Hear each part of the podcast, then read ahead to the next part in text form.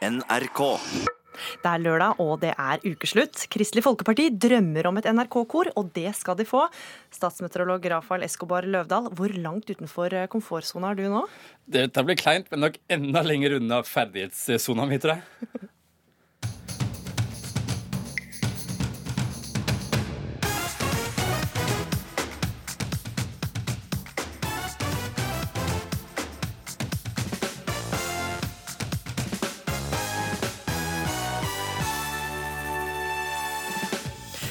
Politikerne får pepper for å bruke for mye penger på fest og moro. Men det er faktisk partiet som bruker minst, som har de beste festene, mener kommentator. Gjennom nøkkelhullet så jeg mamma bli slått. I ukeslutt forteller sønnen hvordan det han opplevde som barn, har påvirka han. Og VG avslørte rått maktspill i Kristelig Folkeparti. Hvis alt som står i VG-artikkelen stemmer, så tenker jeg det er et svik. Ja, velkommen til ukeslutt. Jeg heter Gry Veiby. Vi har bestemt oss for å ta Kristelig Folkeparti på alvor. De har sagt de ønsker seg kor, og det skal de få. Og er du en av dem som ikke tør å sjekke siste bevegelser på kredittkortkontoen? Black Friday er blitt harryhandelens høytidsdag, men det er ikke flaut å være prisbevisst, mener min moteleder. Flere dro på smilebåndet da det ble klart at et av KrFs ønsker for å tre inn i en regjering, er at NRK får et kor. Så langt har partiet bare fått ja til en utredning. Forslaget er blitt holdt narr av, men vi her i Ukeslutt tar politikerne på alvor. I løpet av sendinga skal vi stable på beina vårt helt egne NRK-kor, bestående av journalister, men også av deg, statsmeteorolog Rafael Escobar ja, Løvdahl. Ja, ja. Du tok jo utfordringa. Har du mye sangerfaring på bakken? Nei, ingenting. Jeg kan ikke synge, tror jeg. Jeg synger for barna mine, men jeg har aldri sunget noe kor eller noe. Og jeg, de få gangene jeg har gjort det, med jobben, en sånn tulleting, så har det ikke gått så veldig bra. Det har ikke det. Så forventningene er? Uh, jeg vet ikke. Jeg vet ikke hva jeg går imot, egentlig. Men jeg prøvde snart å synge på, på Metter. Jeg skulle lage en sånn morsom video med noe greier. da. Så mente jeg at jeg ikke traff på tonen, så må dere på nytt. Og etter 70 ganger så bare ga hun opp. det, det, lover veldig godt. Ja. Men vi har jo fått litt eh, profesjonell hjelp. Øystein Fevang, eh, du skal hjelpe oss. Du er dirigent og kunstnerisk leder for bl.a. Eh, Oslo Filharmoniske Kor.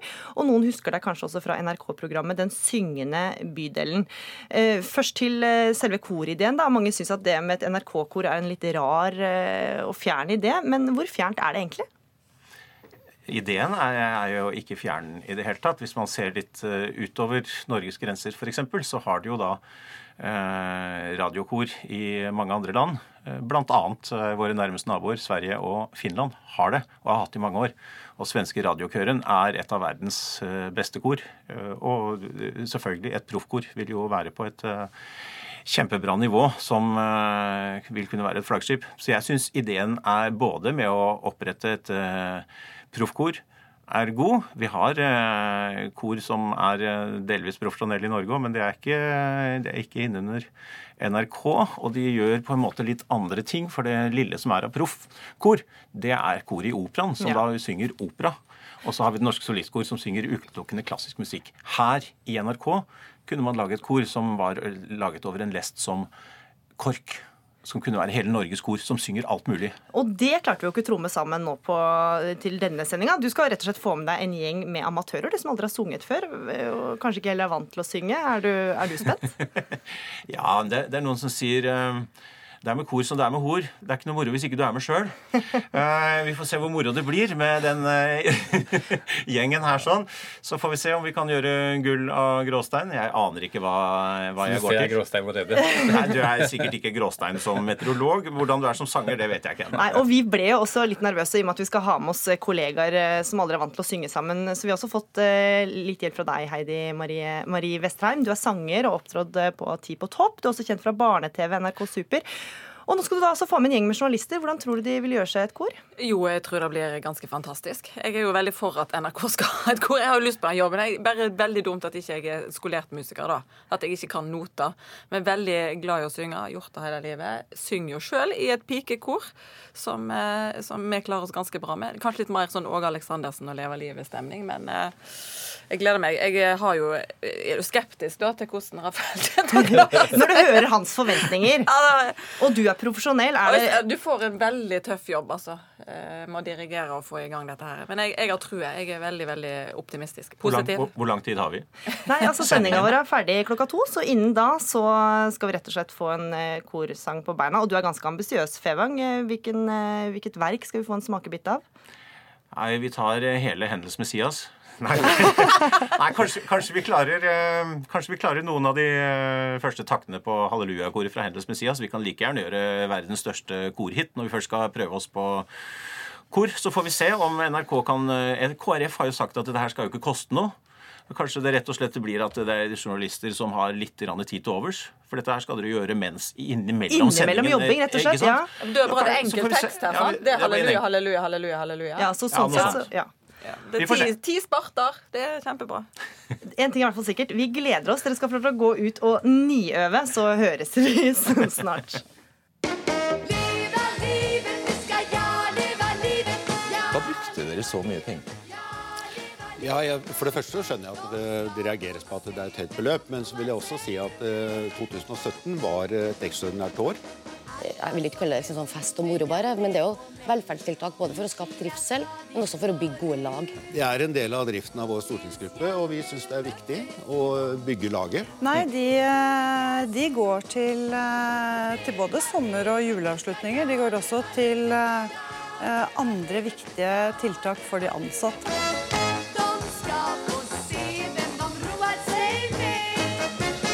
Med. Det er jo noe, noe spandering, det har det vært, men vi har vært som type to enheter eh, på et julebord. Kan jeg Så- få vite hva dere bruker Nei, så, på velferdstiltak? så bevilges eh, så bev Ja, det vet du. Du vet tallene. Det ligger mye politikk i de regnskapene våre.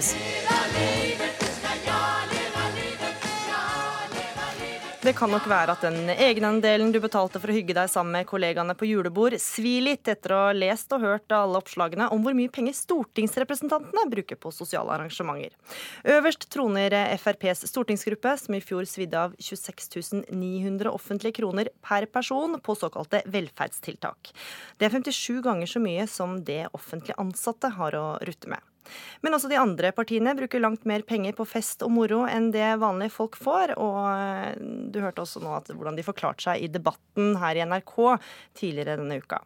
Per Kristian Aastveit, du er partyfikser. Hva syns du om festbudsjettet til stortingspolitikerne? Nei, altså, altså det er jo ganske høyt, men, men jeg syns jo at politikere må få lov å feste som alle andre. Og, og, og da, da syns jeg det er helt topp. Det, det, det gjør ingenting, for de jobber, jobber såpass mye at de må få lov å ta en gøy fest i, i ny og ne. Så de, de, de fortjener det. Men det er jo typisk når de er politikere, så kommer det frem i media at, at de bruker mye penger. Men, men det syns jeg det, det gjør ingenting. Du er da altså godt kjent blant byfolk i Kristiansand som eh, en som har arrangert fester i alle former, spesielt festivalen Palmesus, ved siden av fulltidsjobb eh, som kokk. Ja. Du kaller altså Sørlandets VIP-sjef. Og bare for, å, for oss som ikke er helt inne i eh, fest, hva man kan få for penga, hva slags fest kan du tromme sammen dersom budsjettet er på godt over 20 000 kroner per person? Nei, da, Du får jo selvfølgelig god mat, kanskje fint tapasbord, og selvfølgelig champagne er alltid litt viktig. Eller bobler altså, til velkomstdrink. Og så, og så er det jo at de, eh, hver enkelt får bonger som de kan bruke i baren. Og så Men trenger man bonger med 20 000 kroner eh, per person? Nei, nei, nei, nei, det er jo sant, da blir det jo fri bar. Eller sånn litt fri bar, holdt jeg på å si da. Og, og så selvfølgelig gode, gode artister er jo litt viktig. God underholdning, at det blir bra show eh, når folket samles til fest. Og, og det, det er viktig å ha, ha noe bra show på scenen. Martine Erdal, debattansvarlig og kommentator i Dagbladet. Eh, Problemet er ikke at norske politikere fester for mye, skriver du i dag. Hva er problemet her? Nei, det er jo et par problemer med dette. Det er jo flaut nesten å høre disse klippene fra debatten på torsdag, og det virker som om politikerne syns sjøl også. Eh, Problemet er jo at de har en pengebruk som de ikke står for selv. De har eh, eh, brukt eh, til dels veldig mye mer penger enn det de lar særlig offentlig ansatte, som de jo må kalles direkte ansvarlig for, få lov til å bruke. Og når nå da de må tvinges eh, fram i offentligheten eh, rundt disse tallene, så ser vi at dette er at det er svært stor forskjell da, på kong Salomo og Jørgen Hattemaker. Og det provoserer mange. Men det er klart at eh, politikere som bevilger penger til seg selv, må kunne eh, stå for dette åpent. Eh, Og her har jo mange av partiene nektet å gi ut regnskapene til pressen som har ønsket å ettergå dem, og det tar seg særdeles dårlig ut når man da får disse tallene på bordet og ser, som du sa, at Frp da har brukt 57 ganger så mye per ansatt som det de lar offentlig, eller statens ansatte få lov til. Men så er det noen partier da som ikke sant, Mange har fått kritikk for hemmelighold, men noen partier, Miljøpartiet De Grønne, Rødt, KrF, SV, og åtte dager etter Aftenpostens avsløringer, også Venstre, så la de fram bilag som viser hva de har brukt penger på. Og hva viser, hva viser det? Nei, Det viser jo at uh, stortingspolitikerne får dekket uh, mye moro. Det syns jeg eh, i seg selv er en god ting. Uh, det å ha det gøy sammen på jobben gjør at man samarbeider bedre, og, og vi tjener alle på at også stortingspolitikere gjør det. Som på alle andre arbeidsplasser er det i utgangspunktet en god ting. Men Det er jo veldig stor forskjell på hvor mye penger de ulike partiene har brukt, og på hva de har brukt dem på. Nå har vi jo fått se da, at skattebetalere eh, Du og jeg har vært med på å betale for eh, bursdagsfesten til Venstre-nestleder Ola Elvestuen, og på leie Ekeberg-restauranten til KrFs eh, sommerfest, og, og for at eh, FrPs stortingsansatte skal få kose seg på en eh, tur til London uten eh, faglig innhold. Og for alle de lærerne som betaler egenandel for å feire julebord på lærerværelset nå i disse dager. Eller også for kaffen, som en skrev på Twitter. Og for kaffen, eller som en skrev på Facebook-siden min i stad, nå er alle sykehusene i Møre og Romsdal trukket inn den 50-lappen per hode som de ellers har brukt til den tradisjonsrike julelunsjen, som har vært den eneste dagen i året hvor alle ansatte har vært samla. Og nå må de betale den selv også. Og for alle disse vanlige menneskene rundt omkring i landet som eh, både betaler for moroa og som eh, velger disse politikerne, så er kontrasten nå såpass grelle at det kan være verdt å, å gå i seg sjøl. Åstveit, eh, vi snakker jo om de statlige ansatte og alle som må betale penger til felleskassa. Altså, Statlige institusjoner kan bruke 467 kroner per person til såkalte velferdstiltak, som julebord, sommerfest eller andre sosiale tiltak. Og nå kommer jo julebordsesongen eh, opp. Hva er viktig å tenke på? Nei, For å arrangere dette er billig, rimelig. Eh, Man, man kan jo gjøre det rimelig. Først og fremst må man jo eh, leie et lokale, et kult lokale. Men også selvfølgelig pynt, altså pynt til lokalet. Men da kan du f.eks. gå på Nille og handle billig pynt og gjøre det skikkelig stilig.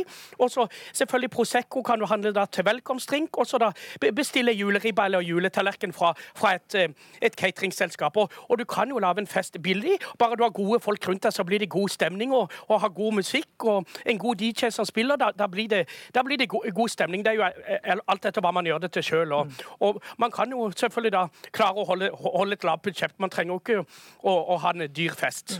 Aurdal, du har fulgt norsk politikk eh, i årevis, og det er ikke nødvendigvis de som bruker mest på fest, som har de gøyeste festene. Hvem er det som er best på fest? Nei, det er partiet som er soleklart best på fest, kommer ganske langt ned på lista over de som bruker eh, mest eh, per hode. Eh, For oss som har vært rundt på de ulike landsmøtene om mange år, så er det ingen tvil om at det er Senterpartiet som ruler på fest. De har, eh, har nok også de tyngste bæreposene på vei eh, inn på hotellet og har med seg mye sjøl, sa han. Men de danser til stengetid og har, eh, har nachspiel, og det er det eneste partiet der hvor også partiledelsen som hovedregel fester hele natta. Begge dager, før alle er på plass tidlig i landsmøtesalen likevel neste dag. Gratis moro, rett og slett. Åstveit, helt til slutt her. Altså, nå eh, tyder alt på at det er vanskelig for KrF å skulle gå i regjering med Frp. Det er, det er lite hallelujastemning mellom de to partiene. Hvordan, Hva slags fest ville du arrangert nå for at eh, stemninga skal bli på topp? Nei, altså, som sagt, si, si før de starter møtet, da, ville jeg kanskje hatt en gøy komiker eller noe, en gøy som hadde kommet inn og bare sprita opp eh, møtet, og så servert litt kaffe og wienerbrød kanskje litt bobler, bare for å få en fin tone sammen. Og, og, og det hadde jeg jo starta med, og selvfølgelig hatt en, en god fest etterpå, bare for å samle, så, sånn at de kan ha en fin tone sammen. Og, si hvis de går ut og spiser og bare koser seg, og, og det er viktig å holde tonen sammen i, i, i de politiske partiene. Verdt å ta fra vel, velferdskassa, Erdal? Slik eh, forhandlingsklimaet mellom Frp og KrF eh, ser ut akkurat nå, så tror jeg det kan være lurt å bruke litt penger fra velferdstiltak for å dra på en tur eh, ha det hyggelig sammen og sånn sett bedre samarbeidsklima. Så får vi høre om politikerne nå har blitt eh, latt seg inspirere. Takk for at dere var med i Ukeslutt. Martine Aurdal, debattansvarlig og kommentator i Dagbladet. Også Per Christian Aastveit, partyfikser fra Kristiansand. Men vi har hatt, ikke hatt noen baktanker med det vi har gjort, enn at vi har stått opp for egen politikk. For min del så er begeret helt fullt, og det tror jeg veldig mange i vår gruppe mener. KrF må forstå at de er et lite parti.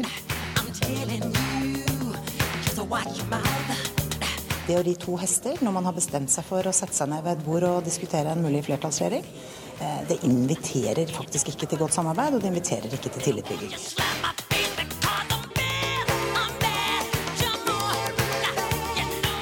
Nei, jeg tenker at nå skal vi snakke med Siv Jensen og de andre, og jeg skal være åpen og ærlig på det. Det første vi må gjøre nå, det er å rense luften. Eh, Vi må bygge tillit. Har du den tilliten nå? Nei, det har jeg ikke. Ja, Som tidligere nevnt, det er allerede full krangel mellom de potensielle regjeringspartnerne Fremskrittspartiet og Kristelig Folkeparti. Men også internt i KrF er frontene steile etter at rød side tapte mot blå. Ekstra ille ble det etter at VG denne uka hevda at det har foregått rått maktspill på bakrommet. Nestlederne i KrF skal nemlig ha vært i møte med Høyre, der de sammen la en strategi for hvordan blå side kunne vinne. Reporter Julia Afshara, Afshari Kaasa har møtt en av dem som er ekstra skuffa. Du går ikke så ofte i kirken? Jeg gjør ikke det. Jeg går, går i kirka på julaften. Jeg er nok eh, kanskje mindre i kirka enn det man regner en kristen KrF-er for å være. Til tross for at han ikke er KrFs ivrigste kirkegjenger, har Simen Bondevik, leder av KrFU Akershus, i dag oppsøkt Oslo domkirke. Og det er kanskje ikke så rart at han trenger litt åndelig veiledning etter den høsten KrF har hatt. Det er jo veldig fint. Man på en måte lærer jo en del. Og, i en sånn situasjon som man er i nå, så tror jeg det er godt for meg og mange andre KrF sikkert å gå i kirka. Bondevik er en av flere KrF-ere som har reagert sterkt på en artikkel i mandagens VG. I artikkelen hevder VG at de vet hva som har foregått i kulissene denne KrF-høsten, ved å undersøke bl.a. hemmelige Facebook-grupper, e-poster, tekstmeldinger og anonyme kilder. Det som sto i VG var jo ikke veldig bra. Eh, om den prosessen har på en måte blitt Om det har blitt dratt så mye trådene i kulissene at eh, Høyre og Ropstad og Bollestad sammen har lagt en strategisk plan med medieutspill og hvordan man skal gå frem, så syns jeg det er veldig dumt. Jeg tenker at det er ikke det som skal avgjøre KrFs veivalg.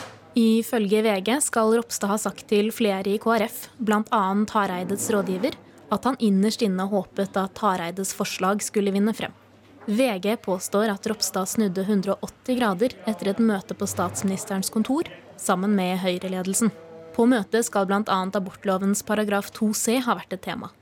Ropstad ønsket ikke å stille opp til denne saken, men hadde dette å si til Dagsrevyen på mandag. Jeg tror jeg har sagt til mange jeg, at eh, det var en veldig krevende situasjon for meg personlig. Eh, Jeg visste at eh, dersom mitt syn vant fram, så ville resultatet sannsynligvis være at vi mista partilederen. Og med den vissheten der, så skal jeg innrømme at det hadde vært en lettelse om ikke jeg vant fram, for det er mye ansvar å sitte på. Jeg vet jo at partiet er veldig delt. Man var jo enige om at det her skulle være, ikke skulle være en lederdebatt, og at det var en prosess som KrF skulle eie. Eh, Men så ser det ut som Høyre har, har hatt eierskap til deler av prosessen. Kilder underveis har jo sluppet ut at Ropstad er klar til å ta over. Eh, Så det er ting her som er problematisk. Hvis alt som står i VG-artikkelen stemmer, så tenker jeg det er et svik. En som har en helt annen oppfatning av situasjonen, er Hadle Bjuland, leder for KrFU i Agder. Og han er en av den som ønsker at eh, KrF skal gå inn i den sittende regjeringen. Jeg tror for all del at ikke Killingolf har løket, bare for, å- bare for å sette den med en gang. Jeg heier jo veldig på Killingolf. Han er virkelig vist seg som en leder. Eh, han er veldig ryddig og ordentlig, og det har han jo vist denne prosessen. Men det er ikke bare den røde siden av KrF som har reagert på det som sto i VGs artikkel. Det jeg var veldig skuffa over når jeg leste VG-artikkelen, det var eh, altså alt det her med at partiapparatet har vært så rigga for at Knut Arild skal vinne. Altså Både generalsekretæren og flere rådgiverne på Stortinget og landskontoret har jobba for at Knut Arild skal vinne, eh, vinne dette her. Der var jeg veldig skuffa. De skal jo være der for hele organisasjonen. Og I tillegg så vet vi at Knut Arild og Jonas Gahr Støre har hatt hemmelige møter et år nå som ikke partiledelsen har vært informert om. Det var òg veldig skuffende. ethvert politisk spill i ethvert parti vil gi mange mennesker i det partiet en uggen følelse, fordi at jeg tror veldig mange som er politisk aktive, er drevet av idealisme. Det sier eh, Åste Dokka. Hun er teolog og jobber for avisa Vårt Land. De ønsker, de ønsker seg på en måte en, eh, en etisk politikk. Det tror jeg ligger veldig dypt i veldig mange som engasjerer seg politisk. Så hvis det er idealet ditt, og hvis du, i hvert fall hvis man er eh, ny i politikken, så vil jo det være eh, klart at man ikke er glad for å drive, drive den slags type spill som man er nødt til i, i, i, politikken. Det er ingen tvil om at mange KrF-ere har hatt en høst preget av uenighet innad i partiet og medietrykk utenfra. Og hvordan har det egentlig vært å diskutere med sine partifeller mens Medie-Norge sender avstemminger fra fylkesmøter, minutt for minutt? Jeg eh, tror jo og håper at vi har ha- tatt med oss de kristne verdiene som på en måte partiet er tufta på, gjennom en sånn prosess òg. At vi husker på hva det vi står for. Og så, så må vi ikke heller stikke under en stol at i KrF er vi òg mennesker, og kan, folk kan gjøre feil der òg. Det er også viktig å få fram her at eh, selv om vi har de verdiene i grunn, og vi står for de, så kan det også, så kan også en KrF-er gjøre feil på likhet som alle andre mennesker. At eh, selv en kristen KrF-er kan gjøre feil, det er eh, teolog Åste Dokka helt enig i. Jeg tror alle mennesker har oppført seg ukristelig denne høsten. Jeg tror ikke det er det om det Jeg tror ingen, ingen som eh, slipper unna, unna det. Og jeg tror, eh, tror ikke KrF eh, eller KrFs ledelse skiller seg ut fra resten av, av befolkningen i så måte. Vi er bare syndere alle sammen. Det er helt riktig. Ja. Det, det er sentral kristen tanke.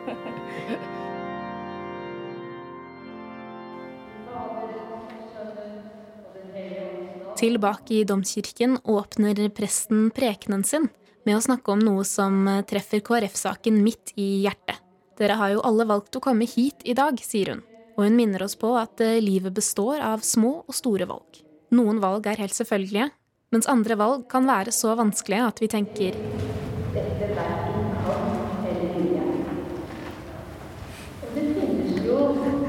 Akkurat i en situasjon. Ja. Og selv om KrF nå har tatt sitt vanskelige retningsvalg, så kan det fremdeles virke som om det er en jobb igjen å gjøre for å få samlet de røde og blå, og igjen innta de gule KrF-fargene. Jeg tror det er viktig at vi nå etter en sånn prosess prater godt sammen internt i partiet og finner ut av hvordan ting egentlig har foregått. Det tror jeg er helt avgjørende for at vi eh, skal komme oss videre. Eh, fordi her har det vært et spill eh, fra begge sider. Så er spørsmålet hvordan man har spilt. Og det er nok flere som har behov for å beklage ulike ting. Eh, og det er jo viktig at alt kommer frem nå i ettertid. Eh, og så er spørsmålet om det som kommer frem, har vært avgjørende for veivalget. Du hører på Ukeslutt, og det må du fortsette med. Hun eh, skal ha blitt slått, bitt og utsatt for vold av den tidligere kjæresten sin. Nå hjelper hun andre. Vin, sprit og øl skal, eh, alkohol, eh, skal merkes som helsefarlig. En viktig påminnelse om hvor farlig alkohol er, mener komiker Christer Torjussen, som møter Fremskrittspartiet til debatt. Og koret vårt er i gang. Premieren får du snart, men eh, først en liten sniklytt. Halleluja, halleluja, halleluja. Dere er alene. Halleluja. Ikke der nede. Ikke der nede.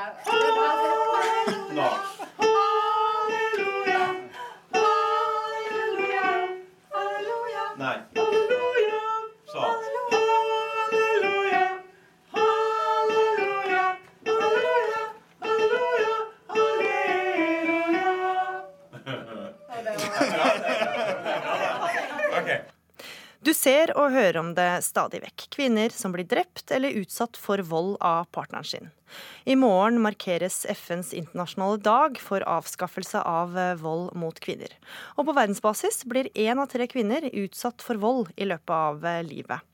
Og en av dem, det var deg. Vi kaller deg Anne. Du vil være anonym av hensyn til eh, familien din. Og for mange år siden så bodde du sammen med en mann som var voldelig. Hvordan starta volden? Mm, Den gans starta ganske fort eh, etter vi jeg ble kjent med han.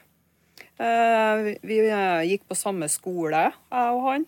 Og jeg, sånn som i ettertid så har jeg jo sett Tenkt sånn Jeg var jo i en sånn sårbar fase sjøl, og sikkert da et lett offer for han. Mm. Det er jo mye sånn en har hørt når ut ifra de samtalene jeg har hatt med damer som har vært utsatt for vold. Mm. Men husker du første slag, eller første gang du skjønte at her var det noe gærent? Ja, ja, det husker jeg på. Det var, eh, vi var på en sånn eh, klassetur på en overnatting en natt. eh, Da satt vi og prata sammen, jeg og han, eh, hele natta. Og eh, dagen etter, eh, når vi skulle gå tilbake, så eh, at han brukte ordet at han var glad i meg, det syns jeg, det stusser jeg litt på. For jeg tenker at Å bruke et sånt ord, det, da skulle du ha kjent en person lenge. Mm. Og så eh, var det jo sånn gradvis sånn eh, kontroll med å stille spørsmål hva jeg skulle gjøre på ettermiddagen. Eh, jeg hadde jo en sønn eh, som var fire år da. Eh, så jeg trakk meg noe mer og mer bort etter hvert, uh, ut ifra hvordan han eh, kontrollerte meg med å stille spørsmål, eh, blikk, sendt melding. eh, og, og første volden, det var vel eh, eh, i Det er en, to hendelser her. Jeg vet ikke hva, hvem av dem som kom først. Men eh, eh, det var når jeg hadde, skulle feire bursdagen min, og så eh, eh, At han utøvde vold eh, der han bodde, eh, på et internat.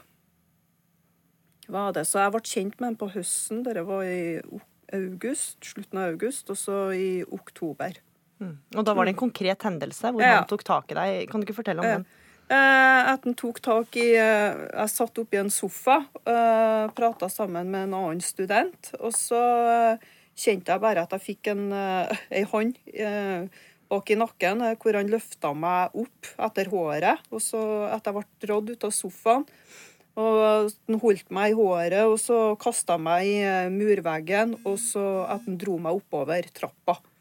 Mm. Og dette foregikk over flere år. Din Ja. tidligere partner fikk forelegg for vold mot deg. Du har også tilkjent voldsoffererstatning. Ja. Og vi har også prøvd å få kontakt med din ekskjæreste uten hell. Og mange vil jo da bare spørre, ikke sant, flere år med vold, hvorfor Mm. dro du ikke bare fra han? Ja, det er mange som eh, sier det. Men eh, det handler vel litt om den eh, frykta, eh, som for min del. Altså, jeg hadde jo mange venner og var sosial av meg, men til slutt så ble verden min veldig liten. At det var å gå til skolen, hente sønnen min i barnehagen, til å sitte i leiligheter som vi hadde den gangen. Eh, og alle de truslene og, og som, som han sendte, da.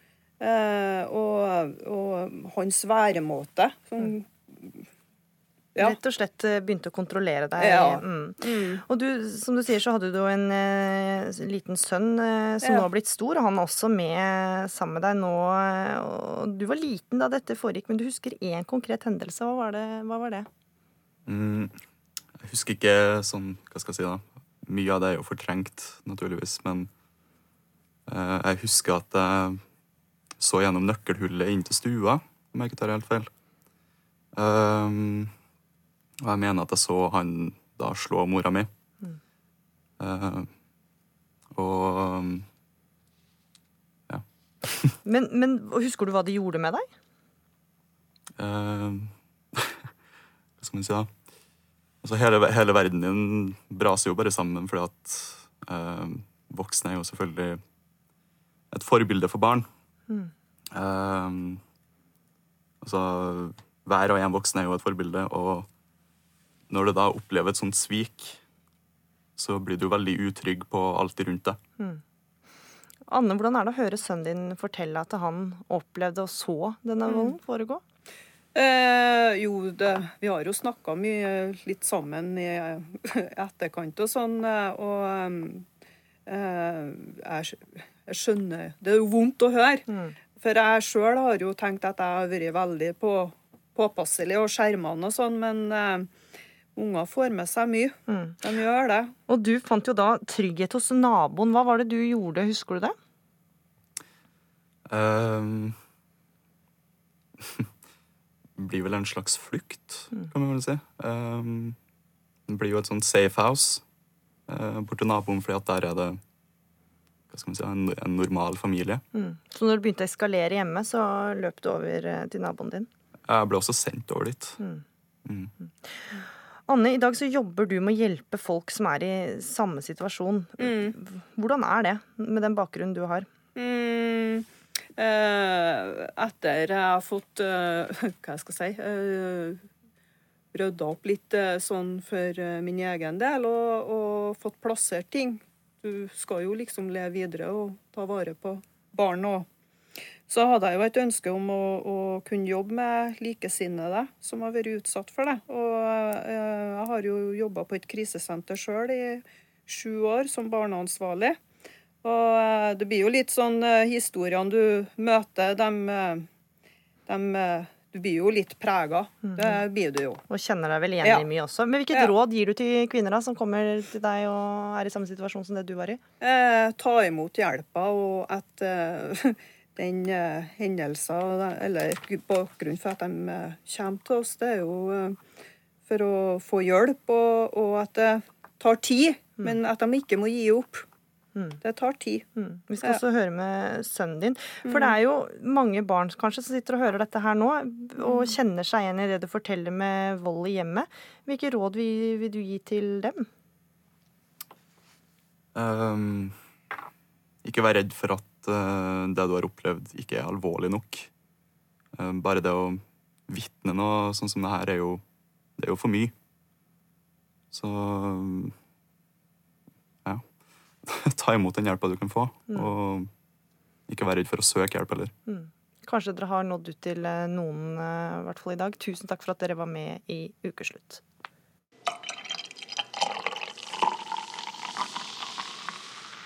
Ja, det er lørdag, noe mange forbinder med fest og alkohol. Men når du sitter på sofaen og åpner en øl, hadde du tenkt deg om en ekstra gang dersom eh, ølen var påklistra en advarsel? Det håper iallfall opposisjonen på Stortinget. For eh, denne uka fikk de, ved hjelp av eh, KrF, gjennom et krav om at alkohol skal merkes med en advarsel om potensielle skader. Dette har ikke du noe tro på, helsepolitisk talsperson i Frp, Åshild Brun Gundersen. Hvorfor ikke? Nei, altså Jeg lever jo greit med at Stortinget har vedtatt dette, men jeg har ikke støtta det selv, for jeg tror ikke det har noe effekt. Jeg tror eh, Hvis man skal følge opp eh, gravide damer, så må man nesten gjøre det gjennom svangerskapsomsorgen. I de møtene de gravide har med helsevesenet, så må man diskutere dette med alkohol i svangerskap, fordi det er faktisk veldig farlig. Men kan ikke noen sånne lapper gi en nyttig påminnelse, da? Jeg tror ikke det, altså. Eh, nå har vi ikke diskutert hvordan disse helseadvarslene skal se ut, men en påminnelse om at man ikke skal eh, drikke alkohol under svangerskapet på flaska. Altså, jeg tror absolutt alle er fullstendig klar over at det å kombinere alkohol med graviditet og kjøring av bil, det er farlig, og det skal man ikke gjøre. En etikett på flaska vil nok ikke endre på det. Christer Torjussen, du er komiker og har bl.a. vært opptatt av å fortelle hvordan det var å vokse opp med en far som eh, var alkoholiker. Du har troa på merking. Hvorfor det? Ja, hvorfor ikke gi et forsøk, tenker jeg. For det er jo ikke noe forskning på hvorvidt det fungerer eller ikke med at det ikke er gjort før. Og det er noen andre land som har merking av alkohol. Og dette har dere også tror jeg snakka om i ukeslutt før, om at eh, det er jo merking på f.eks. matvarer og tobakk og sånne ting. Da. Eh, Og alkohol er jo igjen også et eh, skadelig produkt, da, ikke sant? hvis man bruker for mye av det. Så hvorfor skulle ikke også flaske merkes? For meg så sjenerer det meg ikke om det er en notis om at dette er farlig å gjøre hvis du kjører bil eller er gravid. Eh, Og nå er det jo tilfellet at vi ja, Det fødes vel 400 barn i år i Norge som har tatt skade av alkoholmisbruk. Da. Eh, Det er 400 for mye. Så jeg, jeg Men, men tror du en etikett hadde, hadde gjort at de, de mødrene ikke hadde drukket alkohol under svangerskapet? Jeg kan ikke svare på det, for det er ikke gjort ennå. Men jeg mener at all informasjon vi som forbrukere får, eh, ikke Altså det, det gjør jo ingenting å bli fortalt nok en gang at det du faktisk nå tyller i deg, har en effekt, en negativ effekt om det er for mye. Eh, akkurat som med tobakk og andre ting. Da. Og Brun Gundersen, i dag så er det jo, tar man opp en snuspakke eller en tobakkspakke, så er det jo helt selvsagt at det er et bilde der som gjør at man ikke, skjønner at det ikke er noe bra. Hvorfor skal det ikke være det samme alkohol? Nå har jo snus- og røykpakkene fått disse plain packagene, da, så de advarslene er jo gjemt bort. Men jeg er bare så bekymra for at hvis man setter advarsler på alt som er farlig i samfunnet, så forsvinner faktisk eh, effekten. Og jeg hørte en historie fra 70-tallet da Eh, KrF fikk innført disse fjoseposene. Altså hvis man handla alkohol på Vinmonopolet, så skulle den posen man fikk dette i, den skulle liksom være skjult og ikke virke reklamefremmende. Men det var jo det helt motsatte som skjedde. Folk oppfatta den grå posen som en vandrende reklameetikett, og, og mange ble faktisk lokka til å gå til Vinmonopolet, og da ble jo denne posen avvikla etter hvert. Jeg er bare opptatt av at advarsler det må man bruke i veldig spesielle tilfeller. Hvis man setter advarsler på alt som er farlig i dette samfunnet, så tror jeg effekten forsvinner helt. Men altså, du er jo opptatt av at dette er et form overformynderi mot forbrukerne, ikke sant? At, uh, er det det du prøver å si? Eh, at får vi advarsler advarsel om alt som er farlig, men hvorfor skal vi ikke advares om det når vi vet at det er skadelig? Nå er det jo samfunn, det koster jo det norske samfunnet 22 milliarder i året, tror jeg det er, i alkoholskader, da. Og en av ti nordmenn, mer enn én av ti nordmenn har et skadelig forbruk av alkohol. Så jeg kan ikke se noe negativt med å prøve det, i hvert fall. Da, ikke sant? Og så kan man jo se etter noen år om dette har noe effekt. Um, tror jeg, da. Men som hun sier da, så er det jo mange ting som er farlige her i samfunnet. Og skal man ha en advarsel på alt, så forsvinner litt den effekten av å ha en advarsel? Jeg vet ikke. Det er jo som å si sånn ja, det er farlig å leve, man kan dø av det. Altså den, den er for gammel, for å si det sånn. Men når det gjelder akkurat spesifikt alkohol og, og tobakk. da. Og Jeg er ikke noe avhold selv. Jeg bare vet at jeg konsumerer jo som alle andre. Og jeg konsumerer sikkert også for mye, da. Eh, bevisstgjøring hadde jeg blitt påminnet om ja, Nå kan ikke jeg bli gravid, som du ser. um, men men ca. 15% av gravide drikker litt under svangerskapet. Så du sier jo dette er noe alle vet, men det er jo tydeligvis ikke det, da? Ja, så Andel kvinner som drikker under graviditet er lavest i Europa, men det burde ha vært null. Eh, og Jeg er opptatt av å løse de problemene på en best mulig måte. Og alle gravide de får i dag en svangerskapsoppfølging gjennom helsestasjonen og gjennom legene. Og det er der jeg mener både kunnskapen, informasjonen og oppfølginga bør skje. Alle gravide bør være veldig klar over at det å drikke under svangerskapet er farlig. Det Mm. skal ikke forekomme. Og vi skal ha et hjelpeapparat tilgjengelig når de har behov for den hjelpa. Men de aller fleste de klarer å forholde seg til alkohol på en avslappa og god måte. Jeg tror ikke effekten av disse merkene fungerer. Det er flere land i verden som har merkelappen uten at de kan synliggjøre at det har påvirka på noe som helst Selv. Frankrike har jo merker. Ja, og der er også andelen kvinner som er gravide som nyter alkohol mye høyere. Eh, så det ser i hvert fall ikke ut til å gå frem som et godt eksempel. Torjussen, du har jo snakka om at du hadde en far som eh, var alkoholiker. Tror du en etikett med advarsel ville fått han til å tenke seg om en ekstra gang før han begynte å drikke? Paradoksalt nok var pappa indremedisiner, eh, og eh, knerta vel 40 sigaretter om dagen i tillegg, så nei, ikke han. Men eh, nei, altså de hardeste eh, som er hard- hardest ramma, vil nok ikke ha noe effekt på. Men det du sier at eh, de fleste har et avslappa forhold til alkohol, det er nå riktig. Men det vi ikke vet, er jo at det er vel noe sånn som syv enheter i uka som regnes som eh, innenfor, som ikke da forårsaker Da forårsaker det ikke det hjerte- og karsykdommer og sånne ting. Men de fleste av oss overskrider jo det, ikke sant? Det at vi ikke vet egentlig nok. Jeg tar, som jeg sier, jeg tar sikkert i meg mer enn det eh, noen uker hvor jeg er mye ute, eh, f.eks. Og jeg, eh, jeg mener at den informasjonen Hvis jeg, hvis jeg hadde Konsekvenstankegangen da, det er det jeg prøver å komme fram til. Hvis jeg blir påminnet om at faktisk det jeg gjør nå eh, er helseskadelig, så vil det ha en effekt på meg og mange av de Så jeg, jeg har tro på at det kan fungere, men man vet jo ikke. Men hvorfor ikke? Og nå får man jo også med seg mindre flasker med vin hvis man er ute og reiser, med, siden dere ikke får dere som dere vil. Ja, og det syns jeg er litt rart, for jeg vil tro de fleste er enige med meg om at det er bedre at folk tar eh, seks flasker vin enn å, å droppe røyken. For røykkonsumet i Norge har gått betydelig ned når vi innførte denne valgfriheten på taxfree-kvota. Altså når Turbing-Gjedde kaller det for en hjertesak, da, det er da jeg begynner å le litt. Fordi eh, hvis eh, to flasker vin er en hjertesak ek ekstra i tollkvota, da hjertesak det er Kreftforskning er en hjertesak. Barnehageplass til alle er en hjertesak, ikke to flasker vin ekstra. Det, jeg tror vi faktisk Jeg syns ikke det er viktig nok til å kalle det på en måte en faenlig hjertesak. da. Egentlig. Nei, altså for oss har det ikke handla om de to flaskene vin eh, når den diskusjonen gikk. For oss handla om uryddigheten i forhandlingene som foregikk. På ett rom så ble man enige, på et eh, annet rom så gikk KrF imot regjeringspartiene. Når man skal samarbeide om disse tingene, så skal man gjøre det fullt ut. Eh, men vi mente at det var viktig å ha en valgfrihet på taxfree-kvota, fordi det førte til at færre tok med seg røykvota si hjem. Ja, Hjertesak eller ikke. Åshild Brun Gundersen, helsepolitisk talsperson for Frp, og Kristi Torjussen, komiker, takk for at dere var med i Ukeslutt. Ja, klokka er 13.05, og da er det på tide med en nyhetsoppdatering. Og det er viktige møter i Brussel i dag. Anders Borgen Werring. Ja, Storbritannias statsminister Theresa May er på vei dit for å ha møter med EU-presidentene Jean-Claude Juncker og Donald Tusk. Og Går alt etter planen, så skal eh, skilsmisseavtalen mellom Storbritannia og EU underskrives eh, på et toppmøte i morgen. Det kommer vi til å følge med på med argusøyne. Hvilke andre saker følger dere med på i dag, da? Det advares mot eh, tynn is på vannene flere steder i landet nå. Både i Rogaland og i Oslo så har folk gått gjennom isen, men heldigvis så er de reddet opp igjen. Isen som nå har lagt seg på vannene kan tilsynelatende se trygg ut, men det er den altså ikke, tvitrer politiet.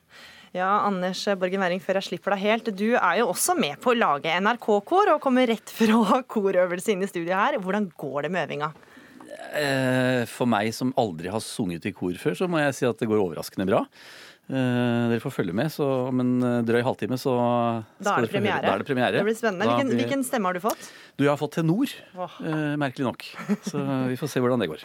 vi gleder oss til å høre. Klesmerket Holsweiler sier nei til Black Friday-tilbud, men er det en god idé, spør vi snart. Craziness max, overdose, overload,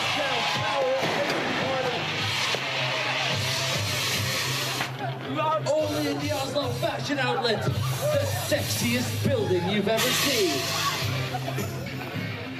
Ja, slik hørtes det ut da hundrevis av mennesker storma inn portene i går morges da Black Friday-salget starta på et kjøpesenter utafor Oslo. Black Friday-tilbudene har hagla hele uka, og kanskje har du falt for fristelsen til å tjuvstarte på julehandelen, eller rett og slett bare unne deg noe du ikke visste at du trengte. Og samtidig har du kanskje også fått oppfordringer i sosiale medier om å ikke kjøpe noe denne uka. En av dem som sier nei til Black Friday, det er dere i Holsweiler. Det er et klesmerke som bl.a. er kjent for sine store ullskjerf og eksklusive klær.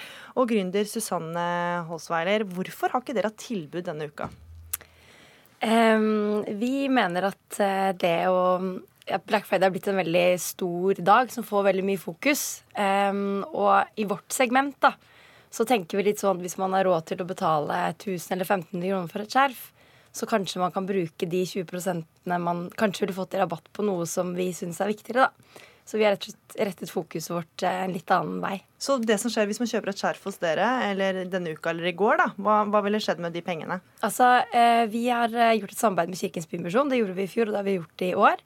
Og i år har vi produsert oransje hettegensere til Black Friday, hvor alt overskuddet av disse hettegenserne har gått til Kirkens Bymisjon og julekampanjen deres som heter 'Gled noen som gruer seg til jul'. Mm. Elise Alexandra Gulbrandsen, du er leder i Min Mote i VG. Det er ikke flaut å være prisbevisst, skriver du. Hva syns du om kjeder som boikotter eh, Black Friday, eller har sin egen vri på Black Friday? Jeg tenker jo kanskje at de som boikotter Black Friday og tar en litt sånn samvittighetsvri, har en større plan bak enn å bare spare miljøet, litt, eh, miljøet eller lommeboka for litt ekstra forbruk. Ja, for du skriver at de smykker seg med god samvittighet? Ja, jeg tenker at uh, det her er på en måte en måte å, å høye opp seg sjøl litt. Da, og si at vi, vi, er på en måte litt for gode til å ha tilbud. Og hvis du handler hos oss, da får du også god samvittighet på kjøpet. Mm. Um, jeg ser absolutt den siden at det er veldig lett å liksom tenke det, men for oss er det overhodet ikke det det handler om. da. Det handler liksom om at hvis For det første syns jeg det blir litt sånn Hele kjøpefokuset blir litt sånn vulgært, nesten. Uh, og vi vet jo også at folk handler, ender opp med å handle ting de faktisk ikke trenger.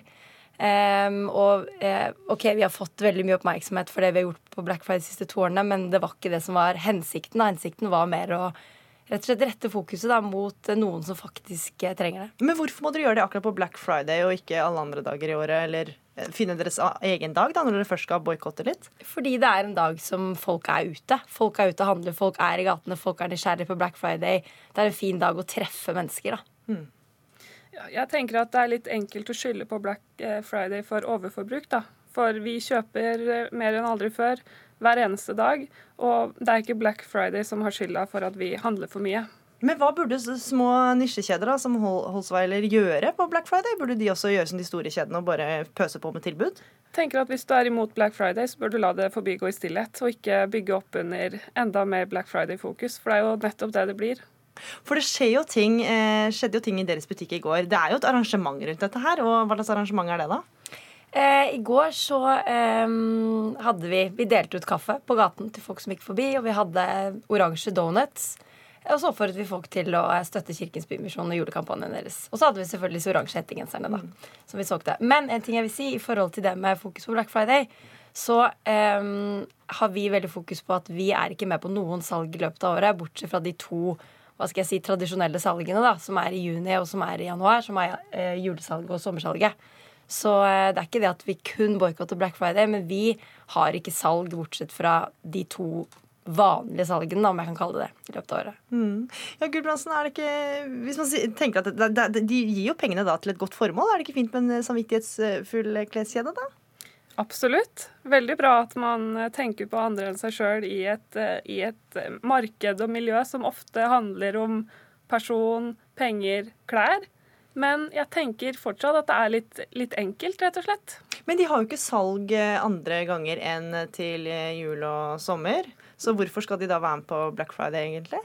Jeg tenker at de, de trenger ikke å være med på Black Friday, men de, kan, de trenger ikke å ta så sterk avstand fra det heller. Når de også deler ut klær til influensere. Dere har jo lagersalg to ganger i året som jeg iblant eh, kommer på for å få handle fine ting til en rimeligere pris som passer min lommebok bedre. For Du nevner influensere, det er altså da kjendiser i sosiale medier eller bloggere. Hva, hva, hvorfor er det problematisk at de samarbeider med dem? Jeg tenker at Influensere det er jo det som gjør at vi vil handle aller mest. Ser vi en kjempefin hettegenser med en liten kleshenge på på en influenser vi liker, så ønsker vi oss den hettegenseren. Men eh, disse influenserne fremmer jo på en måte et, eh, et eh, forbruk som er utilgjengelig for mange. Og det er den siden som jeg er skeptisk til. Men eh, du kal kalte Black Friday eh, hos Weiler for en vulgær eh, hendelse. En vulgær, vulgær dag. Og der er jo du ganske enig, Gudbrandsen. Du sier at det er harryhandel omtrent å sammenligne med. Ja, jeg tror det har blitt litt sånn at vi kan sammenligne det med harryhandel. For at ingen vil bli sett ute på Black Friday når du ser disse ja, Og jeg kaller det litt skrekkeksempler, som det vi hørte tidligere her i dag fra Vestby Outlet. Det er, det er ikke sånn det funker i, til vanlig. De Black Friday-butikkene jeg var innom på fredag, der var det rett og slett ganske rolig, altså. Det var 10-15-20% på noen få stativer med klær. Ikke noe veldig massiv oppmerksomhet, egentlig, men mulighet for å kanskje starte litt på julegavene litt tidligere. Men da er det jo kanskje ikke så rart at ikke de vil assosieres med det når noen faktisk tenker at det er litt harry, da. Jeg tror ikke at noen syns det er harry å ha 20% på et stativ i butikken med klær som du kommer til å ha på salg om et par uker uansett. Det som er harry for mange, er den herre eh, kjøpelysten som blir så ekstrem at du river i to, ett buksebein hver, og at du løper ned dørene. Og vi har jo sett skrekkeksempler fra Black Friday. Men jeg tror ikke det er det de fleste butikker rundt om i Norge som er med på Black Friday, opplever, da. Og så er det- Istedenfor å bruke så mye penger på kjendiser som bruker klærne deres, da, eller influensere i sosiale medier, kunne dere ikke heller gjort det varene deres mer tilgjengelig for folk flest under Black Friday? Så vi er på en måte en del av um, eh, motebransjen som ikke Vi er jo ikke fast fashion. Vi har jo ikke de marginene som veldig mange av de andre store kjedene har. Men hva vil det si fast fashion? Altså det vil si eh, eh, altså HM, Sara, alle de liksom mye større, eh, større delen av vår bransje, da. Um, og eh, hvis og mange sier at de ønsker å på en måte beholde nisjebutikkene som er rundt omkring i hele landet vårt, men det er veldig veldig små marginer. Og hvis vi skal kaste oss på om det er Black Friday, eller om det er eh, femårsjubileum her, eller treårsjubileum der, eller det er veldig, veldig mange salgsevents da, i løpet av et år, da overlever ikke nisjebutikkene.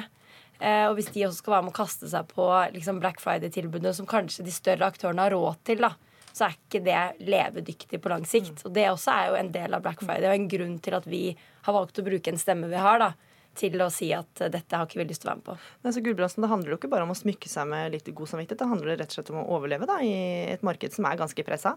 Ja, det handler om å overleve, men hvis, det det, hvis det kun handler om det å overleve, så skjønner jeg ikke helt hvorfor man skal fremme det så hardt at dette er ikke vi med på. Da må man heller si kommer du innom i dag? Vi har ikke noe tilbud, beklager. Men sånn er det bare. Men nå får man på en måte den ekstra gode samvittigheten med på kjøpet fordi man støtter en god sak, og du, det er en kjede som er bevisst, og de tar sitt miljø- og samfunnsansvar. Og da får man den godfølelsen. Og det gjør kanskje at noen velger å handle mer, da. De 364 andre dagene i året. For det er jo summen av hvor mye man handler til slutt, som har noe å si. Ikke om man får 20% på Black Friday, tenker jeg da. Dere kunne jo bare forbigått hele dagen i stillhet, hos Weiler? Absolutt, det kunne vi gjort. Men, eh, men vi, vi eh, Og det er jo litt sånn jantelov, nesten, syns jeg, å se på det eh, på den måten. Fordi at vi velger å bruke en stemme og rette fokuset mot noe positivt, så betyr det at vi bare gjør det for å få et PR-stunt eller få masse tilbake. Og det er, det er ikke derfor vi gjør det. Mm. Da fikk du siste ordet, Susanne Holsweiler, gründer av eh, Holsweiler-kjeden. Eh, Takk til deg. Takk også til deg, Lise Lisa Alexandra Gulbrandsen fra Min Mote. Tidligere i sendinga har du hørt her eh, at vi i Ukeslutt har gitt oss en nokså hårete utfordring, nemlig å stable på beina et kor, etter at KrF tidligere denne uka sa at de ønsker seg et eget NRK-kor. Men vi har jo da fått noen proffer til å hjelpe oss, og Øystein Fevang, du er dirigent og kunstnerisk leder for bl.a. Oslo Filharmoniske Kor. Noen også husker deg fra NRK-programmet Den syngende bydelen. Vi har fått dratt deg inn fra korøvelse som dere holdt på på bakrommet her. Hvordan går det så langt? Ja, Det var ikke så vanskelig å dra meg inn, for akkurat nå så de måtte, de måtte gå og gjøre noe annet. Så vi begynte å øve for en time siden, og så fikk vi eh, øvd i 45 minutter, tenker jeg. Og da Mm. måtte folk De har jo andre ting å gjøre, da. Det er ganske vanskelig arbeidsforhold du har å jobbe med. Ja, det er jo liksom ikke ideelt at det, det å synge i kor ikke er jobben deres, da, kan du si. Ja, det merker du. Så det, ja, det merker man på mange måter. Kanskje man merker at folk har en annen profesjon. Kanskje de er journalister eller meteorologer, og ikke nødvendigvis proffe sangere. Det kan du si at jeg merker. Ja, hvordan, hva er de største utfordringene da med å samle disse til et samstemt kor? oh, nei, det, det, det er jo veldig mye man skal lære hvis man skal bli, få en profesjon innenfor eh, sang og, og korsang og profesjonelle musiker, sanger. Eh, Så det er, det er fryktelig mye. Det første, her, første budet her er jo eh, å, å, i det hele tatt å, å treffe tonene og synge rent. Og så er neste bud å lære seg stemmene sine, og så skal de klinge fint sammen. Og så skal man egentlig til slutt begynne å musisere og finne ut hvordan musikken skal gjøres.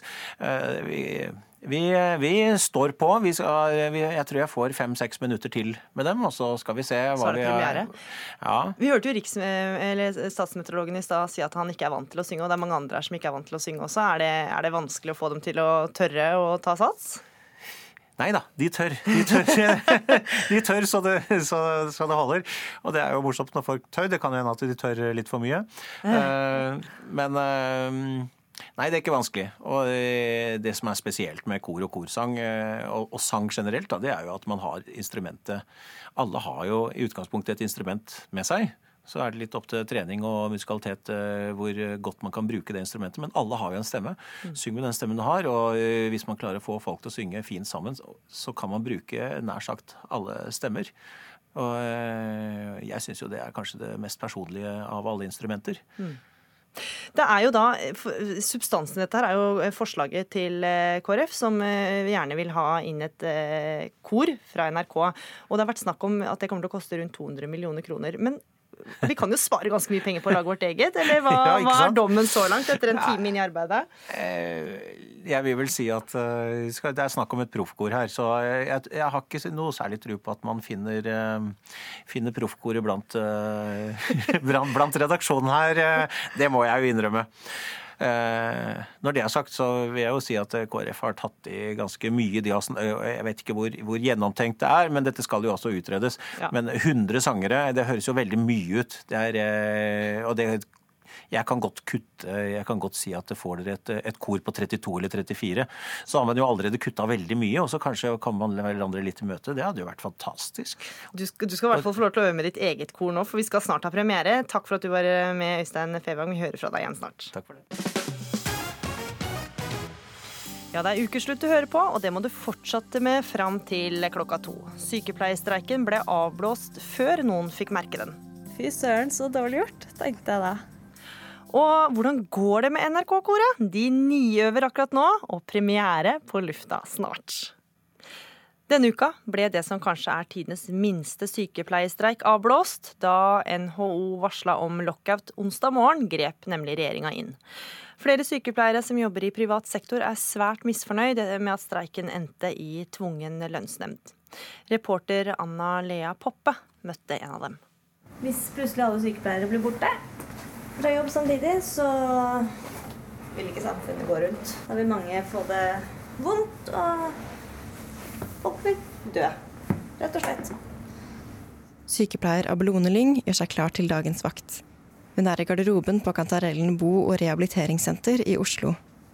Senteret hun jobber på er kommunalt eid, men drives av Aleris, som er et av flere private helseforetak i Norge.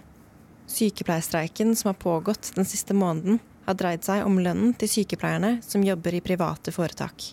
Lyng ble ikke selv tatt ut i streik, men hun har fulgt streiken nøye. Jeg må si det var en veldig fin måte Norsk Sykepleierforbund klarte å, å streike på denne gangen. For de gjorde det på en veldig ansvarlig måte. Og klarte å gjøre det på en måte hvor eh, det ikke rammet brukere og pasienter. Norsk Sykepleierforbund tok ut 56 sykepleiere i streik i slutten av oktober. Onsdag denne uken varslet NHO lockout for 500 sykepleiere. Det vil si at de ville ha nektet sykepleierne å komme på jobb. Regjeringen vurderte konsekvensene av en slik lockout som farlig for liv og helse. Lyng var en av dem som ville ha blitt rammet av denne lockouten. Hva tenkte du da?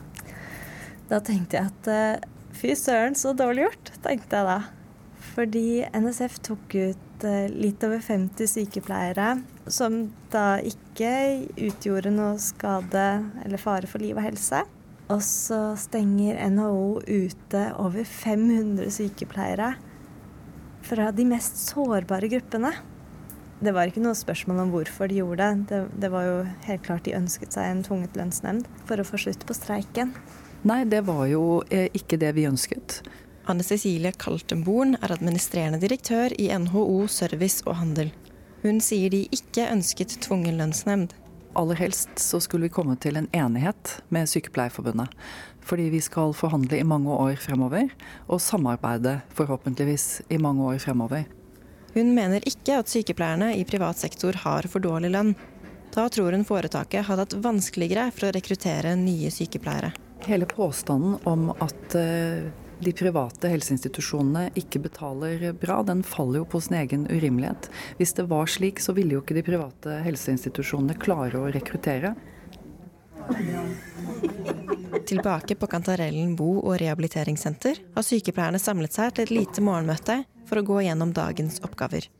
Til tross for at streiken ikke gikk slik de ønsket, er stemningen i møterommet fortsatt god.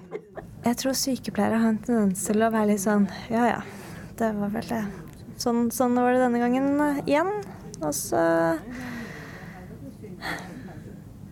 Vi kan ikke gå rundt og være sure på jobb eh, hele dagen. Um, Iallfall ikke ute hos pasienter og brukere. Vi kan ikke ødelegge deres eh, hverdag og de andre kollegaene våre. Så vi setter opp et smil, og så gjør vi jobben vår. Men resultatet av streiken har fått flere av sykepleierne til å tenke. Lyng er en av dem som har vurdert å bytte arbeidsplass. Når jeg fikk beskjed om at det var eh, lockout, så tenkte jeg faktisk sånn Har jeg lyst til å jobbe et sted hvor arbeidsgiverorganisasjon som NHO hvor, som faktisk gjør det? Og har jeg, har jeg lyst til å være en av de sykepleierne som jobber der? Eh, Dessverre så er det ofte sånn at man blir værende sted pga. at noe er praktisk. Og som jeg sier, det er, det er tungt å bytte til et nytt sted. Det vil være trist å gå fra de eh, kollegaene og pasientene som jeg har blitt så glad i her. Men jeg vet jeg kan. Og jeg har vurdert. Og jeg kommer til å fortsette å vurdere. Det var 'Love Someone' med Lucas Graham. Og nå har det kommet en hel haug folk inn i studio her, for det er også klart for premiere. Ukeslutt har altså laga et eh, kor etter at eh, Kristelig Folkeparti den, tidligere denne uka sa at de ønsket seg et eget NRK-kor. Og vi tok jo da utfordringa, men lagde vårt eget, bestående av eh, journalister, men også av en statsmeteorolog, Rafael Escobar Løvdahl. Ja, vi hørte jo fra deg tidligere i sendinga. Hvordan har det gått? Nei, det har vel gått eh, Det har gått, da. Men jeg vet ikke hvor bra det har gått. Det var jo andre svare på. Men jeg har fått beskjed om å gå litt opp og gå litt ned, og så gjøre litt forskjellige ting, da. Så av og til eh, er det tydeligvis riktig. Så du klarer litt, eh, ja, Men er det sånn at korgleden nå har blitt vekka i deg? Er det, ga dette mersmak? Jeg syns det var uh, gøy, men jeg tror det er noen som håper på at jeg ikke syns det var så gøy, kanskje. jeg vet ikke, for jeg, jeg bør kanskje ikke utsette medborgere for så veldig mye av det her. Det bør jeg kanskje ikke gjøre. Men, men litt skal du få, for nå skal vi nemlig skal du få lov til å ta plass. Ja. Eh, og så skal dere få en introduksjon, og den er altså, De har hatt vanskelige arbeidsforhold, de har hatt kort øvingstid, men de har pågangsmot og godt humør. Da ønsker jeg rett og slett velkommen til NRKs eh, eget kor, leda av Øystein Fevang, dirigent og kunstnerisk leder for bl.a. Oslo Filharmoniens kor, og med litt proffhjelp av sanger Heidi Marie.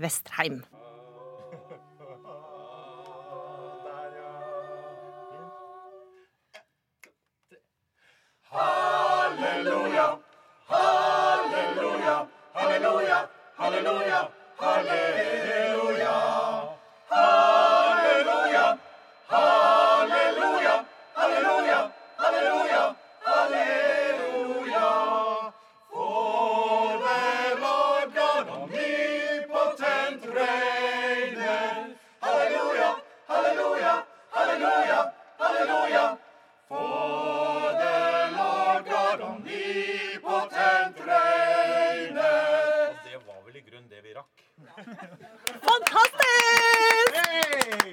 Det låter jo veldig det, Dette låter jo ganske bra, syns jeg. Er dere fornøyde sjøl?